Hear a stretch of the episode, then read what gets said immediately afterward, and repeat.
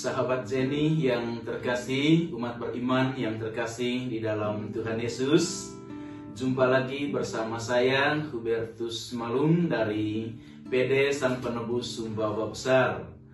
Pada hari ini saya akan membawakan renungan dengan tema Jangan gelisah dan gentar, tetapi percayalah yang diinspirasi oleh Injil Yohanes bab 14 ayat 27 sampai dengan 31. Sahabat-sahabat yang terkasih di dalam Tuhan. Hari ini kita kembali disegarkan dengan embun sabda dari Injil Yohanes. Inilah sabda peneguhan Yesus untuk para muridnya menjelang penyiksaan salib hingga ia wafat di bukit Golgota menarik bahwa dalam situasi penuh ancaman dan kekalutan, Yesus masih tegar memberi penguatan dan janji kepada para murid akan kedatangannya kembali. Yesus tahu bahwa sebagai pengikut setianya, para murid selain Yudas sang pengkhianat turut mengalami apa yang dirasakan oleh sang guru.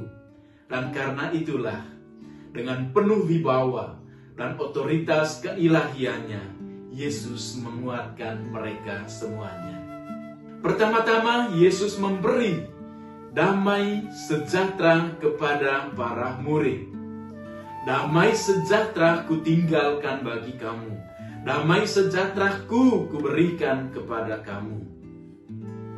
Damai merupakan situasi sorgawi. Situasi yang menyejukkan, juga damai merupakan gambaran kesatuan Allah Tritunggal. Damai yang datang dari Tuhan Yesus berlawanan dengan situasi dunia yang penuh dengan hiruk pikuk persoalan. Saudara yang terkasih, Yesus memberikan damai kepada para murid supaya mereka hidup dalam kerukunan. Sebagai satu komunitas umat beriman, dengan damai itu, para murid dapat mengalahkan semua pengaruh jahat yang datang dari dunia ini. Kita pun demikian. Di sekitar kita ada begitu banyak situasi yang membutuhkan kedamaian. Melalui bacaan ini, Yesus mengajak kita agar tidak menerima damainya secara cuma-cuma tetapi juga membagikannya kepada sesama dalam komunitas kita secara cuma-cuma juga.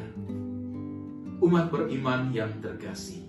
Pesan kedua yang disampaikan oleh Yesus kepada kita adalah supaya para murid tidak gelisah dan gentar hatinya. Kegelisahan para murid berhubungan dengan situasi sesudahnya di mana Yesus dihukum mati Bahkan setelah kebangkitannya pun mereka masih dihantaui ketakutan sebab Yesus akan meninggalkan mereka dan menghadap Bapaknya. Tidak hanya mengajak para murid agar tidak gelisah dan gentar. Yesus memberi jaminan bahwa ia akan datang, menghibur dan memberikan sukacita kepada mereka yang ditinggalkannya. Melalui roh kuduslah, Tuhan menggenapi janjinya.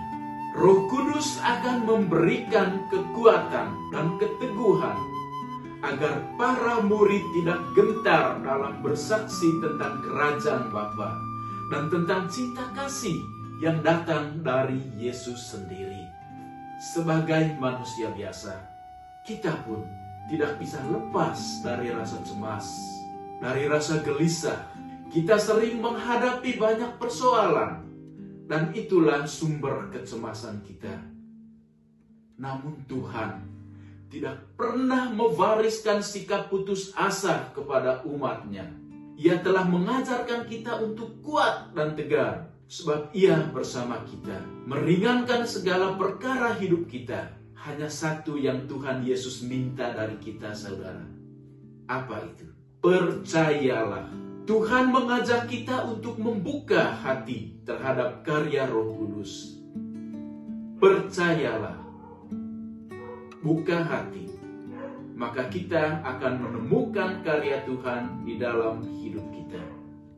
Saudara yang terkasih, Tuhan Yesus bersabda, "Penguasa dunia akan datang, tetapi ia tidak memiliki kuasa melebihi kuasa Yesus."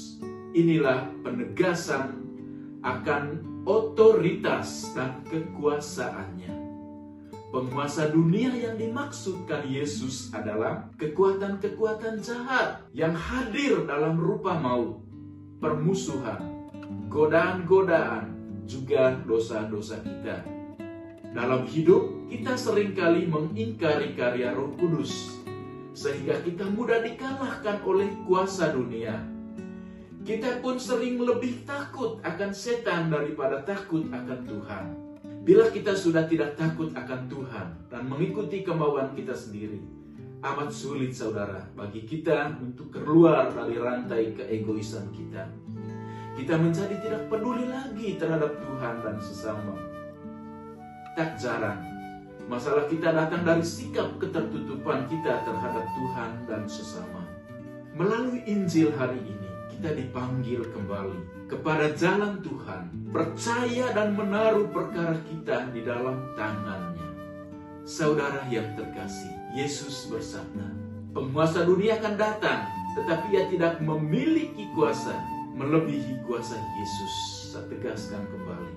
Akhirnya, Yesus mengajak para murid dan kita semua untuk bersaksi dan mewartakan kerajaan Bapaknya. Bangunlah, mari kita pergi dari sini ajakan ini tidak semata bersifat retoris belaka, tetapi juga mengandung eskatologis. Tuhan mengajak kita untuk bangkit dari ketakutan dan kecemasan kita. Tuhan Yesus mengajak kita untuk bangkit dari zona nyaman kita dan masuk ke dalam medan pewartaan. Berembara bersama dia, membagikan terang kasihnya dalam Israel kita masing-masing, yaitu di dalam keluarga, lingkungan, KBG, paroki kita, di dalam komunitas kita. Saudara yang terkasih, mari kita bersiara bersama dia, Sang Guru kita, menuju ke rumah Bapa.